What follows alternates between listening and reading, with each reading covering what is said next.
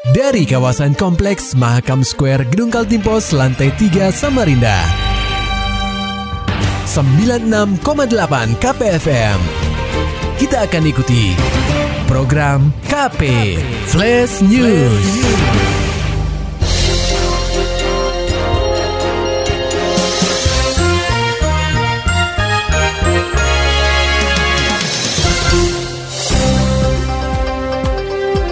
Pemkot Samarinda melakukan penertiban bangunan di sepanjang bantaran SKM, tepatnya di segmen belakang Pasar Segiri. Laporan selengkapnya akan disampaikan oleh reporter KPFM Samarinda, Muhammad Nur Fajar. Pendengar KP, proses penertiban bangunan di sepanjang bantaran Sungai Karangmumus atau SKM, segmen belakang Pasar Segiri, tepatnya di RT 28, Kelurahan Sidodadi, Kecamatan Samarinda Ulu, pada Selasa 7 Juli 2020, mendapat penolakan keras dari warga sekitar.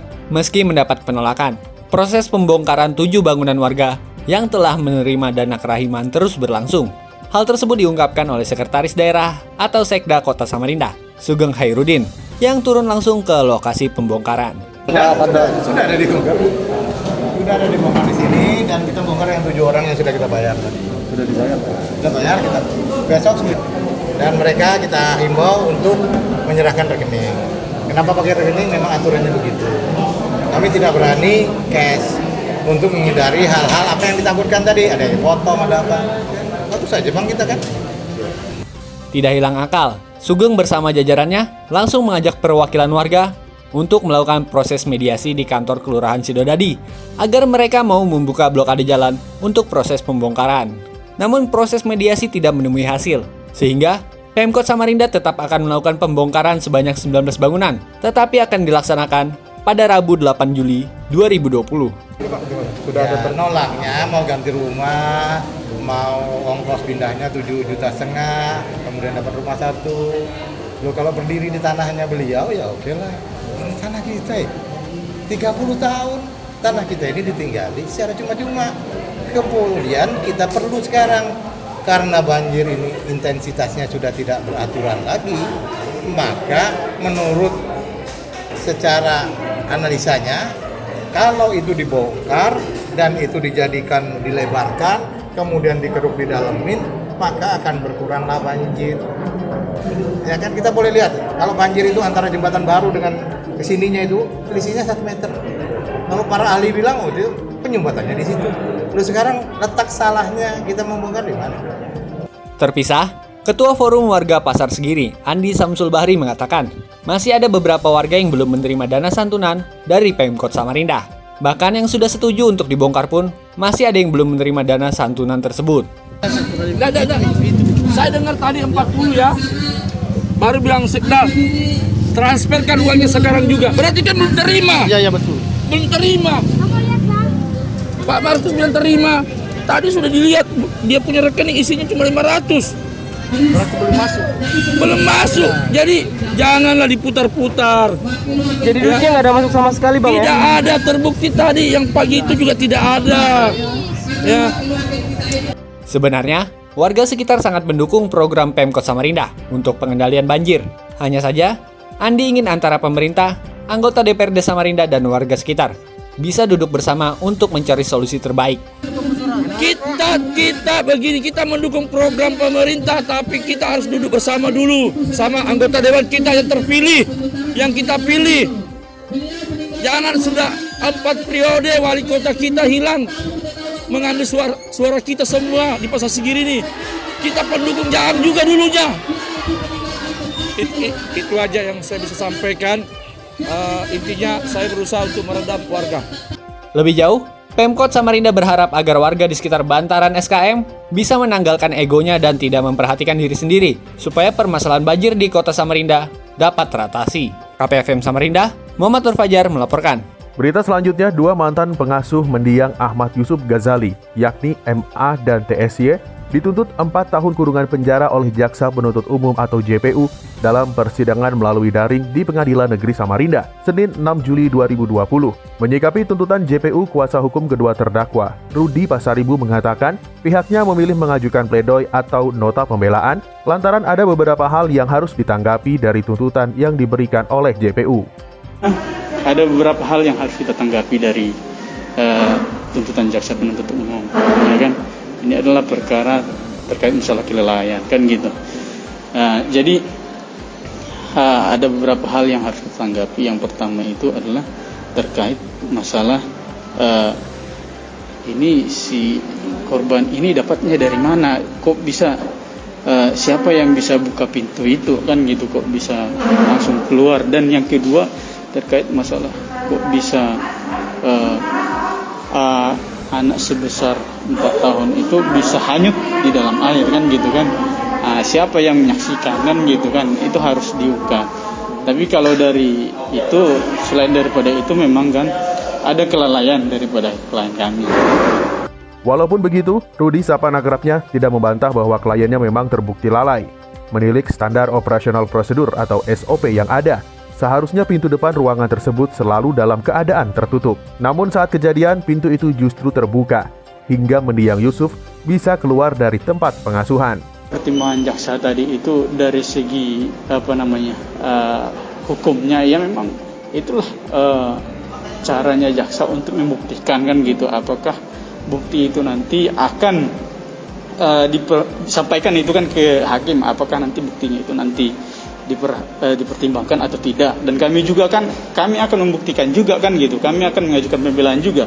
Pembelaan kami seperti apa juga kan gitu kan kami tanggapi apa hal-hal yang tidak sesuai dengan yang sebenarnya. Faktanya kan gitu. Empat tahun itu sangat berat. Ya empat tahun itu berat kalau menurut kami Terpisah, Babang Sulistio selaku orang tua mendiang Yusuf tampak kurang puas dengan tuntutan yang diberikan JPU kepada kedua terdakwa. Tetapi dirinya tetap tegar karena JPU tentu punya pertimbangan sendiri perihal tuntutan yang disampaikan. Kalau menurut ketetapannya kan pasal 359 itu maksimal 6 tahun. Hmm. Kalau dari kami berpendapat di mana pun manusia yang kehilangan anaknya seperti itu merasa tidak puas jelas itu jelas tidak bisa saya bohongin perasaan saya sendiri. Cuman mungkin itulah yang terbaik. Dan jaksa juga punya perhitungan sendiri. Kalau dari saya pribadi tidak puas dengan cuman hukuman seperti itu. Uh, saya rasa ayah mana pun tidak tidak mungkin terima. Kalau bisa saya menggantikan posisinya 6 tahun 12 tahun itu tidak jadi masalah. Yang penting anak saya bisa kembali. Seperti itu kalau saya pengen Meski tidak puas, Bambang masih menaruh harapan agar saat sidang agenda putusan mendatang, majelis hakim dapat memberikan keputusan untuk peninjauan kembali atas kasus yang menyebabkan hilangnya nyawa putra bungsunya ini. Soal OTT Bupati Kutim, Gubernur Kaltim berharap ini yang terakhir. Laporannya disampaikan reporter KPFM Samarinda, Maulani Alamin. Pendengar KP, Hingga kini, operasi tangkap tangan atau OTT yang dilaksanakan Komisi Pemberantasan Korupsi (KPK) terhadap Bupati Kutai Timur Ismunandar masih menuai perhatian masyarakat. Komisi Anti Rasuah ini menyatakan Ismunandar diduga tersandung korupsi proses pengadaan barang dan jasa di Kutai Timur. Gubernur Kaltim Isranur berharap kejadian ini menjadi yang terakhir. Dia ingin tidak ada lagi kepala daerah yang dikabarkan ditahan karena diduga terjerat kasus korupsi. Mudah-mudahan itu tidak mm. akan terjadi lagi kan. Mm namanya musibah kan tidak semua orang menginginkan atau mendesain dia Betul. atau merencanakan pasti juga karena ketidaksengajaan mm-hmm. tapi karena memang ya nasib tadi ya mm-hmm. nasib musibah segala macam mm-hmm. mudah-mudahan bisa segera diselesaikan terpisah Wakil Gubernur Kaltim Hadi Mulyadi menyebutkan kasus ini mengingatkan seluruh pejabat agar tidak menyalahgunakan jabatan untuk kepentingan pribadi. Dia pun menyerahkan perkara ini seluruhnya kepada KPK. Kita serahkan kepada KPK untuk menindaklanjuti karena itu mereka lebih tahu masalahnya. Saya tidak tahu masalahnya. Kita hanya berdoa supaya tidak menimbulkan masalah yang besar itu. Diwartakan sebelumnya Bupati Kutai Timur Ismunandar ditangkap bersama sang istri yang juga menjabat Ketua DPRD Kutim, Encek Vergasi, pada Kamis pekan lalu. KPFM Samarinda, Maulani Al-Amin melaporkan. Pendengar KP, pemerintah telah mengumumkan pelonggaran physical distancing atau jaga jarak. Wacana relaksasi di sektor pendidikan turut dicanangkan. Para siswa berbagai jenjang siap kembali ke sekolah. Namun pembukaan kembali sekolah hanya untuk daerah yang berada di zona hijau atau zona aman COVID-19. Menurut Ketua Komisi 4 DPRD Kaltim Rusman Yakub, pelonggaran relaksasi di dunia pendidikan hanya dilakukan terhadap SMP dan SMA sederajat. Dia menambahkan pemerintah juga harus melakukan simulasi teknis kegiatan belajar mengajar. Ya, zona hijau silakan dimulai, tapi untuk SMP SMA saja dulu sebagai ini sambil kita siapkan yang PAUD TK SD itu satu. Lalu yang kedua apa namanya tetap ada protokol COVID ditegakkan. Gitu loh. Terpisah, Kepala Bidang Pembinaan SMA di Sedikbud Kaltim Kris Suharyatno menyebutkan, jadwal siswa masuk di tahun ajaran 2020-2021 memang ditetapkan pada 13 Juli mendatang. Namun terkait teknisnya, pihaknya masih menunggu rekomendasi dari gugus tugas COVID-19 rujukan dari uh, Sekretaris Jenderal Kemendikbud. Mm -hmm. Ya, jadi uh, bagaimana proses pembelajaran di era seperti ini sudah diatur sedemikian rupa ya. Hmm. Nah, itu juga jadi persoalan. Ya, pernah ada ide untuk memasukkan separuh ya, separuh jumlah anak ya yang e, kalau di SMA itu 36 berarti bagi dua mm-hmm. 16 16. Yeah. Tapi kan juga ini resiko kan ya sangat tinggi makanya kita belum mengambil kebijakan apa pun. Okay. Kita masih tetap menunggu bagaimana nanti keputusan Pak Gubernur untuk yang SMA SMK SLB ini sesuai kewenangannya. Diinformasikan, di Kaltim pemerintah hanya menetapkan satu daerah yang masuk dalam zona hijau, yakni Kabupaten Mahakam Ulu. Pendengar KP, Bupati Kutai Kartanegara Edi Damansyah menghadiri peringatan Hari Lingkungan Hidup tahun 2020 pada Senin 6 Juli 2020 di kantor Desa Rempanga, Kecamatan Luakulu. Dalam acara ini dilakukan penyerahan satu unit mobil laboratorium dari Pusat Penelitian dan Pengembangan Kualitas dan Laboratorium Lingkungan atau P3KLL oleh Kepala Balitek Konservasi Sumber Daya Alam Kementerian Lingkungan Hidup dan Kehutanan Ishak Yasir kepada Bupati Kukar Edi Damansyah. Penyerahan satu unit mobil laboratorium ini merupakan tindak lanjut dari program penguatan lingkungan hidup dan kehutanan dalam mendukung early warning sistem bencana lingkungan dan mendukung pengelolaan lingkungan di daerah.